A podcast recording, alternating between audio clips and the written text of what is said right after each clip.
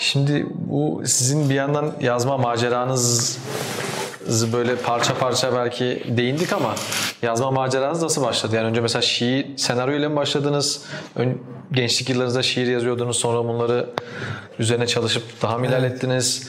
İlk yazılarınız nerelerde yayınlandı? Biraz bunlardan bahsedebilir miyiz? Doğrusu ben e, okul hayatında yani Bayburt'ta ta ortaokul ve lisede okurken şiir yazmaya başladığımı hatırlıyorum. Ama o dönemde e, hele öyle bir kasabada ki o zaman il değildi Bayburt. Bunları değerlendirecek e, durumda değilsiniz. Yayınlayacak bir yer yok. E, o macerada kapandı bir e, süre. Çünkü şehirde tutunmak, yaşamak zorundasınız ve buraya geldiğimizde çalışma durumunda kaldım uzun seneler. Daha sonra dergilerden dışarıdan yazı gönderme hissiyatım oldu. Yani yazıları okuyunca e, dedim ki bu bu yazı aslında bu konu biraz da böyle işlenebilir diye aklımdan geçirmeye başladım. Defterime yazmaya başladım. Sonra arkadaşlara görünce ya sen bunları niye yayınlamıyorsun falan dendi. Bazen gizli gizli e, denemek için tanıdığım arkadaşların dergilerine gönderdim. İlgi görünce ondan sonra e, şeye de gelin gelmiş olduk Selam'a. Orada arkadaşlar yazmalısın dediler. Yazmaya başladık. E, daha sonra Kenan Yabanigül e, abimiz işte o dönemde benim önüme İbrahim Bin Ethem'in hayatını koydu. Bunu senaryo yap dedi direkt. E, ve ben de e, ben bunu yapabilirim diye geçiriyordum içimden. Bunları yazabilirim diye öylece başladı ve o senaryo tekniği ilk defa anlatıcı konuşması olmadan birebir yaşayan tiplerin seslendirildiği bir teknikle onu ele aldım.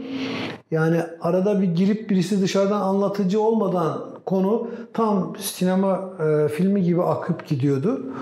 Ve o mesela en çok satanlar arasında yer aldı. Tabii oralardan edindiğimiz cesaretle daha sonra yazmaya devam ettirdik. Ondan sonra imamın öldürüşünde özellikle sonunda bir şey vardır. Nedir? Bir tirat misali bir şey vardır. Bir insan ölürken sözü çok daha tesirli olur diye düşündüm ben. Son sözleri önemlidir ya. Burada İmam Abdullah Harun umutlarını anlatsın bütün dünyaya, bütün dünyada ezilen insanlara diye bir gün gelecek, zaman donacak işte kelebeğin hmm, deseninde falan filan böyle başlayan bir tirat yazmıştım bunu. Ne olduğunu içimden geldiği gibi yazmıştım. Ben Abdullah Harun'um ve ölüyorum ne diyeceğim diye düşünerek yazdım. Meğer bu şiirmiş ben bilmiyorum. Onu bir toplantıda birisi bir şiir okuyor. Ee, bu şiir bana çok yakın geliyor diye hissettim. Ve sonra baktım ki hakikaten o metin okunuyor yani. Dedim ki o zaman ben şiir yazabiliyormuşum diye. İlk e, şeyim nedir? Afgan cihatıyla ilgili e, o dağlarda o dağlarda diye bir marş oldu. Hatta yeni e, yeniden o gündeme geldi. Yeniden gençlik onunla şey yapıyor. E, bu Böyle gelişti. Nerede yayınlandı o? Bir yer bir dergide yayınlandı mı ilk yazdığınızda ilk şiiriniz o bahsettiğiniz? Yok yani e, hemen bestelendi. O. Ha, bestelendi anladım. Bestelendi marş oldu. E, daha sonra bir şiir kitabı çıkardım Sürgün Özlemler diye 90'dan sonra. Hmm. Ee, Öncesinde dergilere gönderiyor muydunuz şiirler? Gönderiyordum ama çok sık değil. Hmm. Ee, yani yoğun yazı hayatı şeyde başladı. İşte o biraz mecburiyetten başladı gibi. Ee, fakat daha sonra çocuklarla kurulan bu ilişkiyi, hmm, bu tecrübeyi boşa geçmesin diye çocuklara da bir taraftan yazmaya başladım. Tabi bu arada Baudelaire'le olan bir ilişkim var. Baudelaire'in kitabını bir elem çiçekleri diye ya da bazen kötülük çiçekleri diye çevrilmiş. Bu kitapla tanışınca o kitap benim ufkumda e, önemli bir katkı yaptı. Çünkü duyguyla düşüncenin çok iyi sentezini yapmış bir e, çalışmaydı bu. Daha sonra Baudelaire'in peşine düştüm. Tabii Paris Sıkıntısı diye bir denemesi vardır mesela. Onu da okudum. E, ve onda benim hissedişimin e, çok benzerlikler gördüm. E, çok uzak dönemlerde olmamızla rağmen e, hissedişleri ve hissedişleri ortaya döküşü onun, onun ustalığına e, vermiştim zaten. Oradan bir esinlenme söz konusu oldu. E, beni en çok etkileyen kimdir derseniz e, yerli piyasadan da çok. Çünkü çok genç yıllarda Necip Fazıl'ı okumadan geçmek mümkün değildi zaten. Onu okuduk. Fakat onun üzerimizdeki tesirini atabilmek lazımdı. Onu atabilmek için neler çektik. o ama o tesiri atabilmek de Biraz açabilir misiniz? Tam olarak neden bahsediyorsunuz yani? Bizim kuşak e, kapasite olarak, e, ilgi olarak, mücadele perspektifi olarak ve İslami donanım bilgi olarak diğer kuşaklardan çok çok farklıdır bu anlamıyla. Eğer e, eğilimini mücadele içerisinde göstermişse hakikaten farklıdır. O anlamıyla bizim ortaokul yıllarında elimizde tutuşturulan ilk şiir kitabı Çile'dir. Bu vesileyle bizim kuşaktan Çile'den en az birkaç şiir bir ezbere okumadan sınıf geçmesi mümkün değil diyelim. Yani bir sınıf diye bir şey yok da Çile'nin yarısını ve tamamına yakınını ezbere bilen arkadaşlarımız vardı. O yüzden Necip Fazıl şiirinin üzerimizde çok büyük etkisi vardı. Bu etkiyi aşmadan bir şair şiir yazamaz. Yazdığı bütün şiirler onun altında ve onun birer yansıtıcısı olarak kalabilir. Onu aşmak için büyük bir güç lazım. O gücü bulduğunuzda zaten Necip Fazıl şiirinin görevini yapmış olur. Size bir yol açmış, sizi bir duvardan atlatmış olur. Ben onu öyle değerlendiriyorum. Daha sonra bölük pörçük birçok e, şiir okuyorsunuz. E, diğer şairlerden bir sürü şair, yüzlerce şair önünüze açılıyor.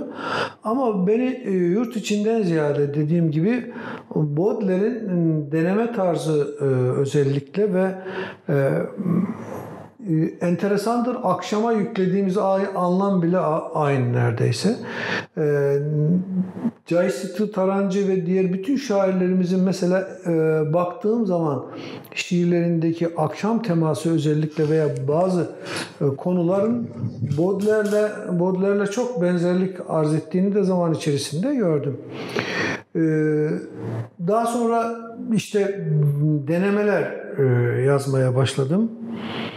E, talepler oldu. Yani dergilerde talep edilince yazmaya başlıyorsunuz. Talep olmadan hakikaten insanın yazma isteği e, şöyle bir şeyle karşılaşıyor. Acaba yazmalı mıyım, yazmamalı mıyım, ihtiyaç var mı buna diye şey yapıyor. Ama talep talep geldiği zaman siz e, İnsan arzusu sizi kışkırtıyor doğrusunu isterseniz. Müşteri olması yazdığınızın bir değer gördüğünü ifade ediyor ve çeşitli dergilere değişik formatlarda yazmaya başladım. Dergileri hatırlıyor musunuz bu arada? Yani daha çokça yazdığınız dergiler. Tabii yani Selam Gazetesi'nde yazdım. Ondan sonra Öz Ülke hmm, nedir? E, Düş Çınarı e, Yedi İklim yani ismini 10-15 dergi e, sayabileceğim dergilerde e, yazılarım, şiirlerim yayınlandı. E, bu şey zarfında zaten e, kendimi iyi deneme yol konusunda yol alabileceğimi düşündüm ve denemeye ait zannediyorum 4-5 kitap oluştu. Şu an Çıra yayınlarında bütün kitaplarımı topladım. 4-5 tane deneme, yine bir o kadar şiir kitabı var. 15 civarında bir kitapla oluştu. Bir de insan haklarıyla uğraştığım için bir insan hakları çalışmasını kendime ödev olarak verdim. Yani zor da oldu ama bu konuda bir kitap yazmam gerekirdi.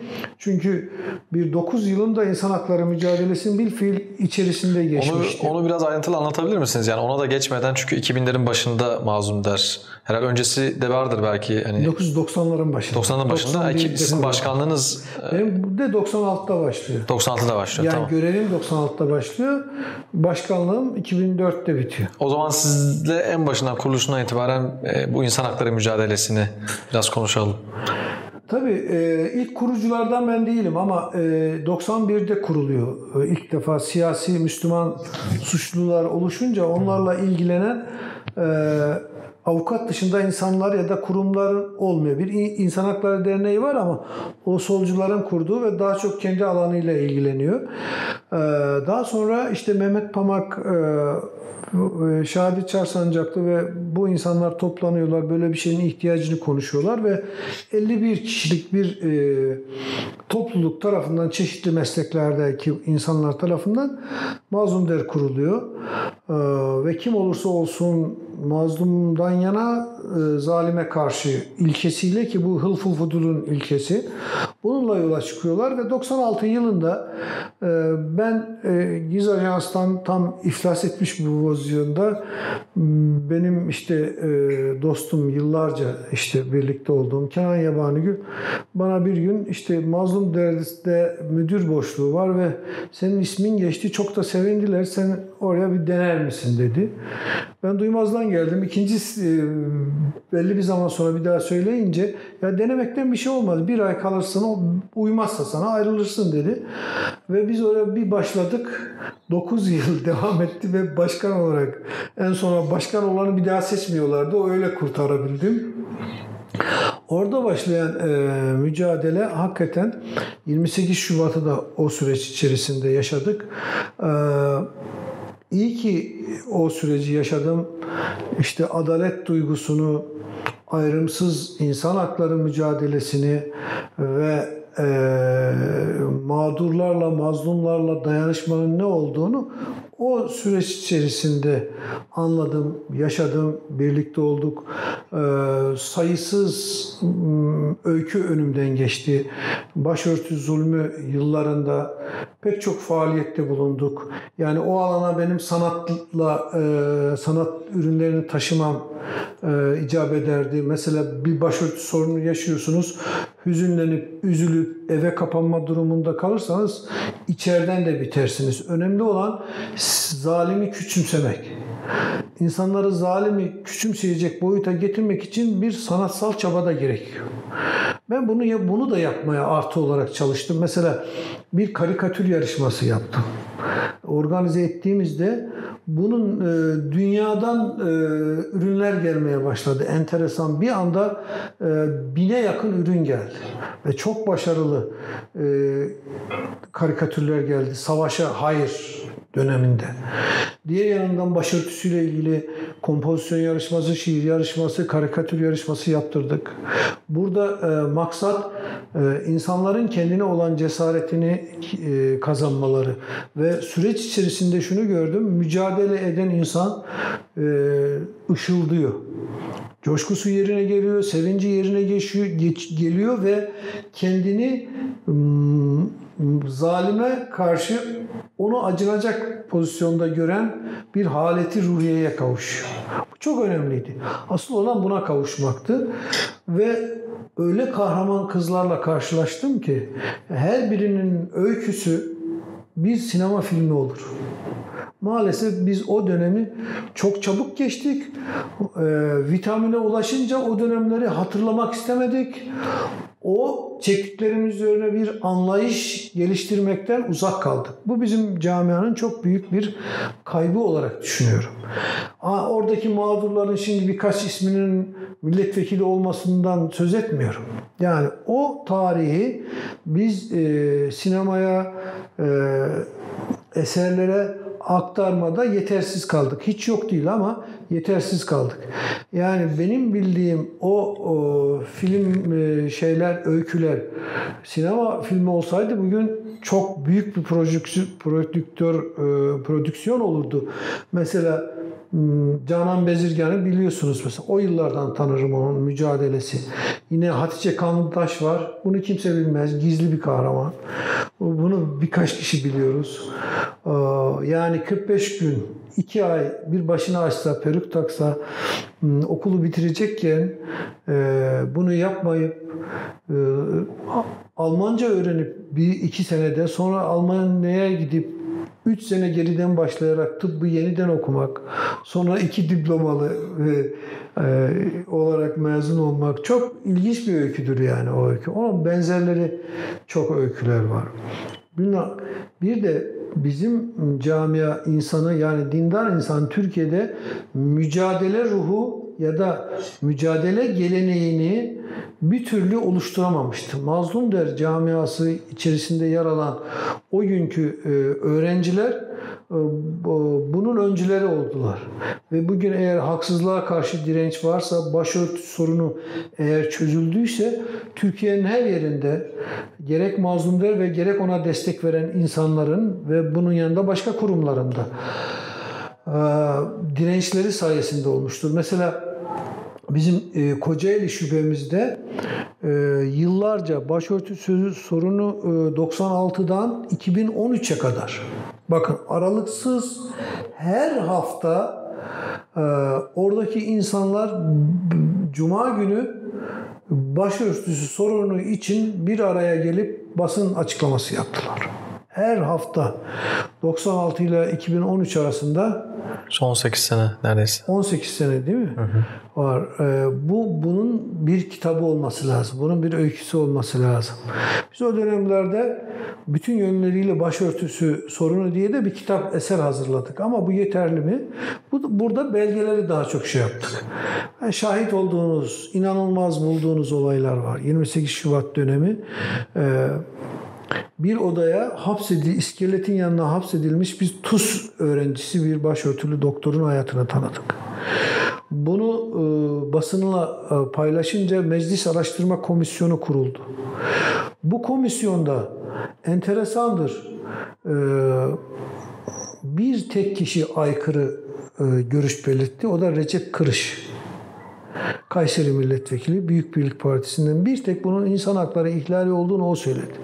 Maalesef o dönemki Refah Partisi milletvekilleri, CHP milletvekilleri zaten MHP milletvekilleri orada Atatürk ilke ve inkılaplarıyla bunu telif ederek bunun e, öğrenciyi suçlu buldular. Bunun belgeleri, Meclis Araştırma Komisyon raporu hepsi o kitapta vardır. Bu bir tarihtir. Bu olaylar şimdi maalesef şöyle de bir şey var. Bu doktor hanım şu an onu unutmak istiyor ve konuşmak istemiyor. Yani bu nasıl bir korkudur ki kılcal damarlara ve ömrün tamamına yayılıyor.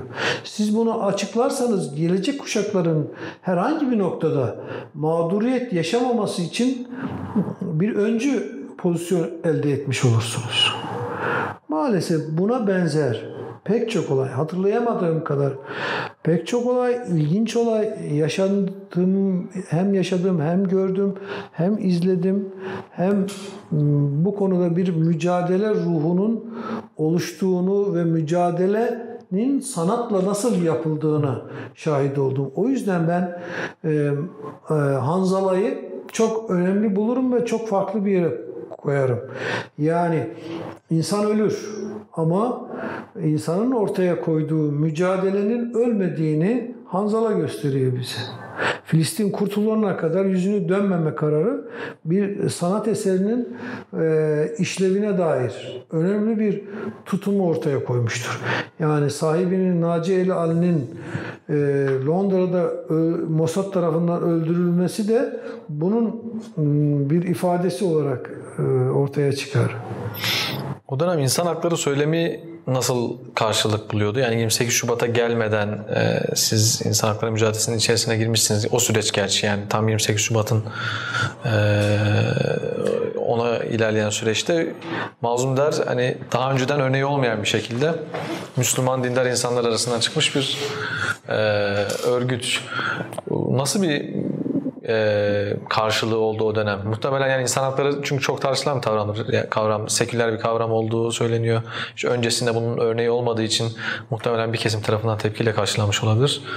Evet, insan hakları mücadelesi için e, nedir? Maddi katkı vermek isteyen insan çok azdır. Çünkü onun bir hayır olduğunu hala düşünmeyen insanlar çoğunlukta. Daha doğrusu başka bir açıdan ifadesiyle insan haklarının bugünkü dünyada cari olan hakların uygulanmasına bakıldığı zaman birçok insan kahrolsun insan hakları deme noktasında buluşuyor. hakikaten ikiyüzlü, çarpık, e, korumasız ve en önemlisi ayrımlı bir insan hakları süreci yaşıyoruz. Bunu kadim Yunan'dan başlatan işte cari olan günümüz anlayışının evrensel bildirgiye kadar uzun bir yürüyüşü var. Düşünsel boyutu var. Bunu zaten e, çalışmamda da ele almıştım. Ama eksik olan şudur ki insan haklarında mağduriyet e, kısaca söylüyorum kolluk kuvvetleriyle veya devletlere e, tevdi edilerek korunacak bir konumda değildir. Yani eğer bir insanın vicdanında e, insanın değeri yoksa e, ve insan haklarında salih amel olarak görülmüyorsa bir ibadet bilinciyle insana o, olumlu bir katkı sağlamıyorsa insan haklarının ayrımsız bir şekilde ve tarafsızca her yerde, her mekanda uygulaması imkan dahilinde değildir. Çok özet söylüyorum bunu. Yani bir Müslüman için e, insan hakları kulluğunun bir parçası olmadan onun e, gelişmesi, yaşanması mümkün değildir. Bu yüzden e, insan hak, sahici bir insan haklarının oluşturabilmesi için e, imkan inanan insanlarda bulunuyor. Bunu çok açık söyleyebilirim ve benim formülasyonuma bakarsanız evrensel özellik kazanması için bir e, bildirgenin özellikle her medeniyetin ya da sözü olan her ülkenin e, oluşturacağı farklı referanslarla, kendinden aldığı referanslarla oluşturacağı insan haklarının diğerleriyle netice birliği üzerinden o oluşturuş, oluşturacağı birliktelik sahici olabilir ve ancak o evrensel nitelik kazanabilir. Yani siz bir yerden pompalayarak insan hakları bir merkezden bir anlayışın ürünü olarak ortaya koyarsanız bütün dünyadan buna reaksiyoner bir tavır ortaya çıkar. Çünkü sizin kavramlarınız onlar için e, ne ifade ediyor diye düşünmüyorsunuz. Ancak orada yerel ortamda bir Afrika kabilesinde siz bir bireye dayatılan insan haklarını söylüyorsunuz. Oysa o adamın ölümü birey olmakla başlıyor. Kabileden ayrılmakla başlıyor. O zaman hmm, farklı bir e, evrensellik katkısı beklemeyeceksiniz. Anlayışı beklemeyeceksiniz. Zaten günümüzde de e, siyasetin malzemesi haline gelmiş insan hakları. Evrensel bildirgenin hiçbir geçerliliği yok. E, bu anlamıyla sayıcı bir insan hakları söylemini yaşatmak, korumak ve yaygınlaştırmak ancak ona e, dediğim gibi kendi referanslarıyla insanların sahip çıkmasıyla mümkün olur. Biz bir yerde yazdığı için değil, kendi müntesibi olduğumuz kitapta bir insanı suçsuz bir insanı öldüren bütün insanları öldürür gibi bizi aydınlattığı için o referans orada durduğu için biz buna ittiba ederiz ve e, farklı e, nedir? Kavimlere haksızlıkta ileri gitmeyin, adaletli olun bize dendiği için biz onu ittiba ederiz. Bunu her mekanda ve her zaman diliminde herkese karşı kullanmamız buna evrensel özellik kazandırır ve biz de canı tende taşıdıkça bunu bir kulluğumuzun gereği yerine getirir. Bunu böyle bilmemiz lazım ve e, Müslümanlar olarak insan haklarını e, yanlış kullanıyor diye bir e, karşı metin olarak karşımıza almamamız lazım. Konuda dertliyim çok uzun konuşabilirim. Yani peki bunun e, şeyi nasıl oluyor? Siz bir perspektifinizi aktardınız. Hı hı. Bu perspektifin muhtemelen Mazlum Dere'de yansıyan tarafını konuştunuz. Bunun etkisi nasıl oldu peki? Kabul gören bir şey oldu mu? Yani siz gözlemlediniz çünkü 9 tabii, yıl içerisinde olmuşsunuz. Tabii. Mesela Mazlum Der yol içerisinde de yani yürüyüşe başladığı pratikle yüzleştikçe o, o hılful fudul esprisinin yani kim olursa olsunla başlayan felsefenin ne kadar güçlü olduğunu ve ne kadar doğru olduğunu gördü. Ve bu uygulamayla yaptığı işlerde e, hep e, ön yargıları kırdı. Bu ön yargılar devlet tarafından olan ön yargılar, sol cenahtan olan ön yargılar nedir? Ee, her cenahtan bir, bizim kendi camiamızdan oluşan ön yargılar vardı. Bize Kürtçü dediler, başka şey dediler, bir sürü şey dediler. Ama hepsi tek tek zaman içerisinde düştü. Ee, mesela ben İsmail Beşikçi'nin özgür kalması kampanyasına da imza attım. Ee, buna inandım. Bu hala pişman değilim. Çünkü ifade özgürlüğünün e, bana verdiği, kendi referanslarımdan verdiği ilhamla oraya gittim. Onlar sözleri dinlerler ve en güzeline uyarlar. Bu ifade özgürlüğünün Kur'an'daki e, yankısıdır, karşılığıdır. Zümer suresi 18. ayet-i kerime. Yine buna benzer e, pek çok ayetle, destekle, uygulamayla e, ben insan haklarını kendi referansımı kullanmanın zenginliğini gördüm. Uluslararası sempozyumlarda silahsızlanma üzerine konuştum. Oradakilerin e, ben kendi referansımdan kalktığımı ifade ettim. Ve o zamanlar şaşırdılar yani İslam'da böyle bir bakış açısı var mı? Ama şunu da gördüm. Batılılar geldiler ve Türkiye'ye bir takım insanlara imamlara insan haklarını anlatsınlar diye teşvik verdiler yani. Kredi e, nedir? Katkı verdiler e, imamlara. Bu ne demektir? Bu bir çok büyük bir aşağılamaktır. Sizin dini temsil eden insanlarınızın, öğretmenlerinizin insan haklarından haberi yok. Yani bilginize insan hakları katın anlamında geliyorlar. Bu ağır bir şeydir. Bu ve buna benzer hiçbir e, teklifi ben kabul etmedim. Pek çok teklif geliyor bu zaman içerisinde. Kaynaklarınız nasıl, zorlanıyor musunuz diyerek başlarlar ve e, sizin orada dökülmenizi beklerler. E, bunlarla her zaman karşılaşırsınız ama ben Müslümanların tabii bütün meşrepler için bunu söylemiyorum ama Müslümanların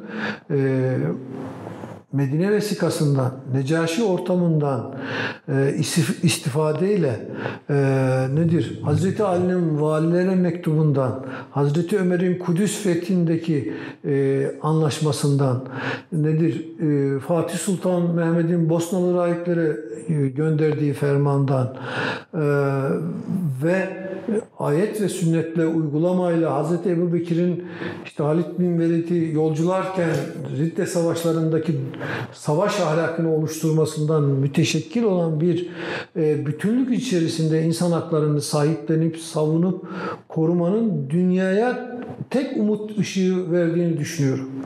Yani burada vicdan sahibi diğer insanlar da bu paydanın altına Müslüman olmadan bulunabilecekler. Biz sıkıştığımız günlerde ya da Filistin adına birlikte olduğumuz mesela İspanya'da bunu gördüm. İngiliz ve İspanya e, solcularının Filistin'e karşı duyarlılığını anlamak için Türkiye'deki sol mantığı ve de Kemalizme bulaşmış sol mantıktan çıkarak anlamamız lazım. Bunu orada gördüm. Mesela Yunanistan'daki bir sivil toplum kuruluşunu Filistin'de kesilen zeytin ağaçlarını diktiğini bilmek başka bir şeydir yani. Ve buna benzer birçok faaliyetin o batıda dediğimiz kuruluşlar tarafından yapıldığını görmek e, insanlığa bir kurtuluş şeyi olabilir mi e, ümidi veriyor. Mesela küresel bak dediğimiz küresel e, komisyonun savaşa hayır, Amerika'nın Irak evet. işgaline karşı özellikle Türkiye tezkere çıkmak üzere 2003 yılında yaptığımız çok e, birlikte gösterilerin e, o tezkerenin çıkmamasının çıkmamasında bir katkı olduğunu düşünüyorum. Her şeyden önce o birlikteliğin e, senkronize bir şekilde dünyada aynı anda bütün dünyada oluşması e, caydırıcı bir tarafın olduğunu düşünüyorum ve e, eğer onu yaşatabilmiş olsaydık ki yaşamadı maalesef üzgünüm. Onu, ee, onu biraz açabilir misiniz? Orada siz çok farklı kesimlerle bir araya geldiniz ve bir tabii, ortak bir tema altında buluştunuz. Yani, yani e, Türkiye siyaseti açısından da baktığınızda ne tarz bir yani bir diyaloğa beraber mücadeleye e, zemin hazırlayan bir olay. O, o tecrübe niye seyretmedi sonrasında? Orada nasıl yaşandı? Hatırlarsanız e, ikinci Körfez Savaşı için 2003 yılında e, Tayyip Erdoğan'ın ilk başbakan olduğu daha bir aylık e, dönemde e, Amerika Türkiye'den e, savaşın Türkiye üzerinden asker çıkarması için tezkere meclisten geçmesini istemişti. Türkiye'deki sivil toplum kuruluşları biz ve bizim gibi düşünen vakıflar, dernekler bunlar sollar, liberaller, e, farklı e, her türlü farklı derneklerden birlikte buna bir karşı organizasyon oluşturmak istedik ve bu konuda görüşmeler yaptık birlikte. Ve bu görüşmelerin neticesinde şöyle bir karar alındı. Her kurum kendi başına istediği kadar etkinlik yapabilir ama sloganımız savaşa hayır. Bunun dışında birlikte neler yapabiliriz? Birlikte yürüyüşler yapabiliriz, nedir mitingler yapabiliriz, ortak imza kampanyaları açabiliriz gibi görüşler belirtti ve bunların hemen hepsi yerine getirildi. Mesela biz Ok Meydanı'nda, Çağlayan'da e, hem konuştuk hem şiirle, e, şarkıyla bunu nedir ortaya koyarken hem Ömer Karaoğlu sahne aldı hem işte e, neydi öbür taraftan hmm, şarkıcılar şu an hatırlamıyorum onlar da aynı yerde savaş hayır dediler. Ya yani bu e, bir noktada eğer anlaşıyorsak o noktada e, nedir birlikte resim vermekten ya da e, eylem üzerinden hmm, iş üzerinden görüşmekte ve kabul ya da reddetmekte e, bir beis yok, bir sıkıntı yok. Ve bunu ortaya koyduğumuzda e, biz hem kendi eylemlerimizi farklı olarak yaptık hem de e, bu tür Ankara'da miting düzenledik mesela küresel bak olarak. Bu dünyada da böyle seyretti ve iyi sonuçlar alınabileceğini düşündük. Ama zaman içerisinde daha sonra bu işlerin içerisine değişik çevrelerin girdiğini düşünüyorum. Yani siyasetin, dünya siyasetinin, küresel talebin sivil toplum kuruluşlarını da baskı altına alarak e, farklı yönelimleri sağladığını düşünüyorum. O birlikteliği bozduğunu düşünüyorum. Mesela Ukrayna'yı düşünün, Türkiye'deki Gezi Parkı'nı düşünün, Mısır'ı düşünün ve buralarda sivil toplumun çok kullanıldığını düş- gördüm. Yani Soros'un açık toplum anlayışıyla hem Türkiye'de radyoyu hem bazı çevreleri hem e, üniversiteleri desteklemesi e, tesadüf değil yani.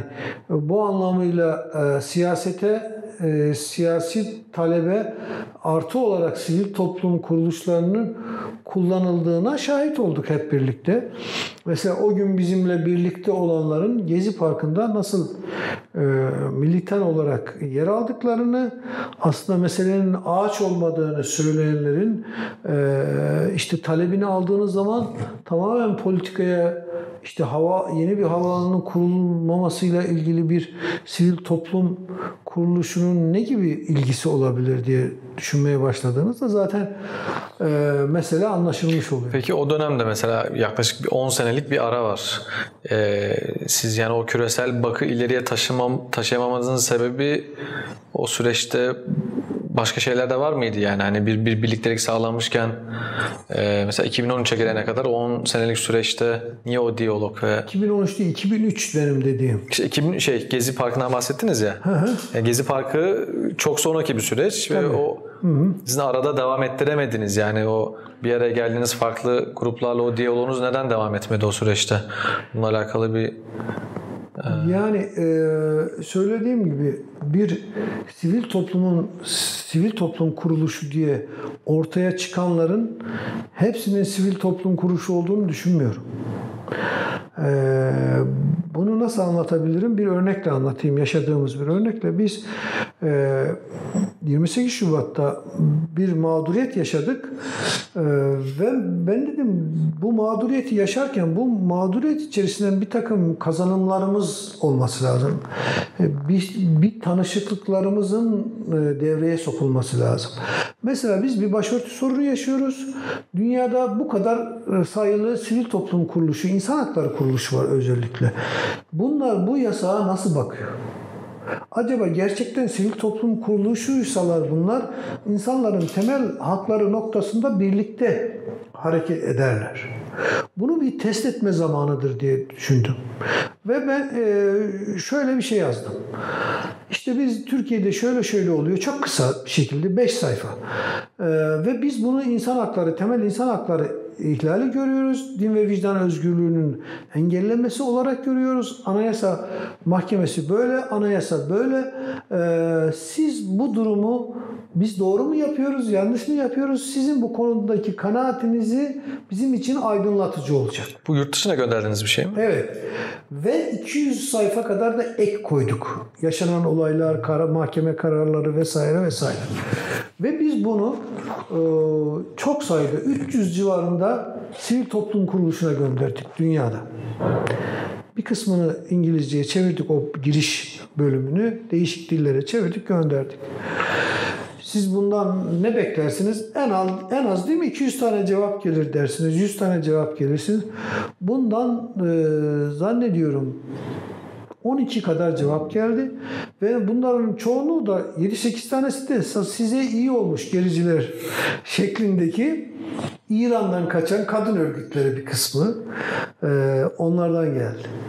Yani e, Uluslararası Af Örgütü'nden bile cevap alırken bile evet insan haklarıdır artık yeter. Yani kerhen cevap alıyorsun. Halbuki o zamana kadar çok daha aşikar e, beyan etmesi lazım, mücadeleye destek olması lazım gibi.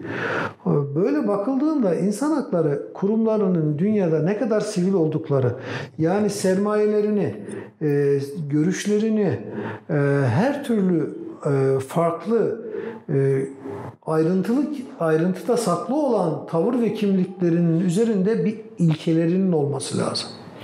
Nasıl Müslüman biri suçsuz bir insanın öldürülmesine karşı Maide 32'yi arkasına alarak her yerde, her zaman herkese karşı kararlılıkla karşı çıkabiliyorsa başkalarının da kendi buldukları, kendi kültür ve medeniyetlerinden yola çıkarak söylemlerinden e, referansla karşı çıkacak argümanları kendilerinin bulması lazım.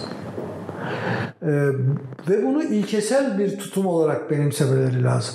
İnsan hakları ilkesel bir tutum değil de e, göreceli bir anlayış, siyaset ya da arkada başka güçlere yaslanarak yapılacak bir iş değil ve dünyadaki e, baş, e, sivil toplumun başarısızlığının ya da kullanıma açık oluşunun sebebi burada saklı bence.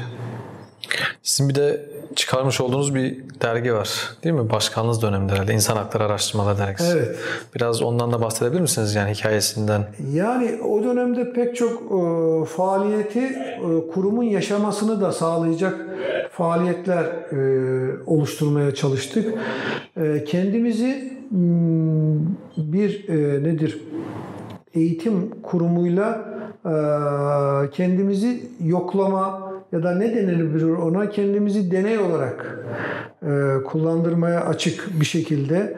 Birlikte neyiz, nereye gidiyoruz, far, e, bilinçli bir şekilde mi yapıyoruz bütün bu işleri? E, anlamak için e, Lütfü Sunar, işte Alpaslan e, Durmuş'la birlikte biz e, bir yıla yakın bir birlikte çalıştık. Yani e, personelden tutun söyleme kadar, toplantı tekniğinden tutun beyanat ve kendimizi ifade edişe kadar her şeyi masaya yatırarak e, tartıştık, konuştuk. Onlar bize, biz onlara anlattık e, ve daha bilinçli bir insan hakları, daha kurumsal bir insan hakları ama insanı ıskalamayan, insan sıcaklığını taşıyan bir insan hakları mücadelesini yapabilir miyiz diye bir çalışma yaptık. O çalışmanın bize çok büyük katkısı oldu. Ve o dönemde yine Lütfü Sunar'ın gayreti, çok büyük gayreti ve çok katkısıyla birlikte, önderliğiyle birlikte biz insan hakları e, araştırma dergisini çıkardık. 8 sayı çıktı bu. E, sanıyorum hala bir e, arşiv değeri olan dünyadan farklı yaklaşımları ya da dünyadan farklı insanların insan haklarının temel konularına yaklaşımlarını ortaya çıkarma açısından teorik e, ve zihin açıcı bir e, arşiv ürünü olduğunu düşünüyorum. Ben hala onları okuyorum, istifade ediyorum. Ee, daha öncesinde bizim atladığımız yani işte bu Selam dergisinden başladık. Bu İnsan Hakları Araştırmaları dergisine geldik. Arada böyle e, sizin bizzat çıkardığınız dergiler oldu mu? Oldu evet. Yani o, en azından Ee. Eğitim yazıları yine teorik bir dergi olarak eğitim yazılarının yayın yönetmenliğini üstlendim. Yine eğitimle ilgili bir İkbal dergisi e, yönettim. Burada 13 senedir çocuklara e, sessiz sedasız kimsenin haberi olmadan çocuklar tarafından üretilen ve çocukların ürünlerini yansıtan bir dergi çıkarıyorum. Hayal treni dahil. Logosunu onlar yaptı, ismini onlar koydu. E, şiirleri, masalları e, onların ee, onlara ben burada biraz antrenörlük yapıyor gibi e, yazı yazma kabiliyetlerini ortaya çıkarma gibi bir çaba içerisindeyim. Bunun dışında da e, farklı dergilere de katkı verdiğim oldu. Aynı zamanda sanıyorum bu e, sesli tiyatrolardan şehir tiyatrolarında da oynanmış bazı tiyatrolarınız var. Bir yazılarlık. Evet, tiyatro konusunda da oyunlar yazdım. Şehir tiyatrolarına verdim. Oynanmış e, oyunlarım var. Tiyatro Külliye tarafından En Büyük Haber diye bir oyun oynandı. Yine Ulvi Alaca Kaplan tarafından İçimdeki Aslan diye bir gençlik oyunu oynandı. E, şimdi bu oyunları kitap yakında kitap olarak da çıkacak. Anadolu'da liselerde büyük ihtiyaç olduğunu keşfettim ve oradaki hocalar ara arayıp soruyorlar böyle bir oyun var mı bize gönderir misin? O kitabın bu açığı kapatacağını düşünüyorum ve Türkiye'de e, adalet konusunda çok e, e, büyük sıkıntılar çekildi bu son dönemde ve adalet duygusu zedelendi. Yargıya olan güven sarsıldı.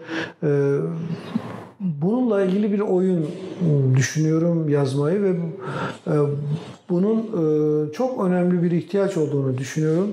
Çünkü muhakeme dediğiniz zaman, hüküm dediğiniz zaman çok büyük bir şey söylenmiş oluyorsunuz. İnsana aşan bir şey söylüyorsunuz ve insanın kaderiyle e, ilgili bir şey söylüyorsunuz. O yüzden bu işin o kadar kolay olmadığını, 5 yıl bir insanı yatırıp onun suçunu söylemeden onu hayattan koparmanızın izahını bulmak zor. O yüzden biz e, Müslüman olarak bundan en çok canı yananlar bizler olmak durumundayız. E, ve, bunun bir şekilde ortaya koymak durumundayız. Hazreti Ömer e, e, kadıya iki e, davasını gördüğü iki kişiye davalı ve davacıya eşit mesafede durmasını bakışlarında yüzündeki ifadenin dahi e, farklı olmamasını söylüyor. Böyle bir e, önderlikten, böyle bir hassasiyetten bugünlere gelindiğinde bu yaptığımız iş ya da Türkiye'de yapılan işi tarihe bırakıp da üzerinden geçebileceğimiz bir iş değil. Aynen o sarıklarıyla, sarıklarını yele verenlerin bizden bugün konuşmamızı istedikleri gibi e, bu yargı sisteminin ya da hakimin nasıl bir karar verirken neler olması gerektiğini, nasıl bir haleti ruhiyeyi harekete geçirmesi gerektiğini ortaya koymamız lazım. Ne diyor? Komşunu diyor suçlamadan önce onun ayakkabılarıyla iki ay gezmen lazım diyor. Bir düşünür. Evet, yakıcı, can yakıcı bir sorun ama inşallah onun hikayesi kafamda oluştu. Onu ilerideki günlerde yazıya dökmeyi Çok güzel olur. hedefliyorum. İnşallah. Şimdi biraz 80'lerden itibaren neredeyse artık 40 seneye yaklaşan e, bu hem yayıncılık içerisinde hem İslami camia içerisinde çok ciddi bir tecrübeniz var. Onları böyle fragman fragman bugün biraz konuşmuş olduk. Bugünden geriye dönüp baktığınızda böyle o mücadeleyi arkadaşlarınızla beraber değerlendirdiğinizde birkaç cümleyle nasıl özetlersiniz? Bu soru çok zor bir soru. Aynı zamanda insanın iflas edişini ikrar etmesini istiyorsun sen. Ama hmm, acıklı da olsa konuşmamız lazım. Yani e, 80'li yıllar bizim iddiamızın oluştuğu yıllardı. Bir iddiamız oluşmuştu. Bir iddiamız vardı. Bu iddia adaleti hakim kılmak ve e, bir e, Müslümanca bir topluma, e, bir özgürlük toplumuna ulaşmamızı hissediyorduk ve bunun çok yakın görüyorduk. 90'lı yıllarda bunun çok çabuk olmayacağını anladık. Ama e, bir yönüyle bir kısmımız eve dönmekle birlikte 90'lı yıllarda söz kahramanları meydandan sıvıştılar. Ama asıl mücadele edebilecek insanları aslında 90'lı yıllarda 28 Şubat'ta meydanlarda gördük. Aslında buradan bir referans almalıydık ve o insanlarla yola devam etmeliydik. E, 2000'lerle birlikte yeni bir dönem açıldı. Bu dönem e, 90'lı yıllarda sıkıntı çeken, eziyet çeken bizim camia ilk defa vitamin diyorum ben ona, vitaminle tanıştı. Yani e, normal insanlar gibi e, siyasetten, ekonomiden pay almaya başladı. Bir ayrıcalık değil. Normal insanlar gibi almaya başladı bu payı. Fakat bu payı alırken e, geçmişi unutma eğilimine girdi. Geçmişteki o iddia dünyevileşmenin adı altında ezildi, eridi daha doğrusu. Eridiğini de kimi fark etti, kimi de fark etmedi. Kimi de bunun normal bir e, süreç olduğunu kabul etti. Ama çok açık bir şekilde siyasette olsun, ekonomide olsun bu şartlar değişebilirdi, değişmeliydi de aynı yerde durmamalıydı. Ama o iddia bir biçimiyle o gün orada varlığını sürdürmeliydi. Yani 28 Şubat'ta eziyet çeken işte avukatlar, nedir? Ee, Avrupa İnsan Hakları Mahkemesi'ne davası olan öğrenciler bugün milletvekili. Ama aynı oranda insan haklarını savunabiliyorlar mı? Onun öncüsü olabiliyorlar mı orada? Bunu göremedik. Dünün fakirleri bugün çok iyi e, nedir? Şu şu veya bu şekilde e, çok iyi durumlara geldiler maddi anlamda. işçilerini çalıştırıyorlar. Bu işçilere asgari ücret veriyorlar mı, vermiyorlar mı? Veya bu kazançlarıyla hangi derde deva oluyorlar?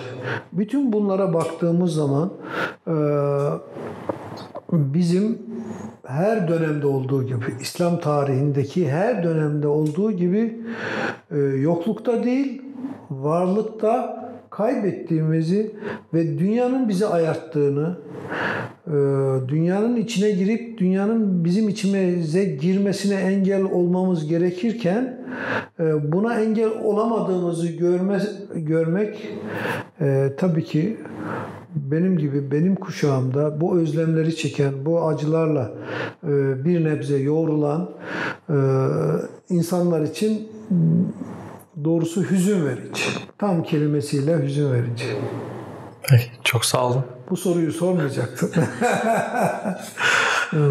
evet. Çok güzel bir mülakat oldu, görüşme oldu. Ağzınıza sağlık.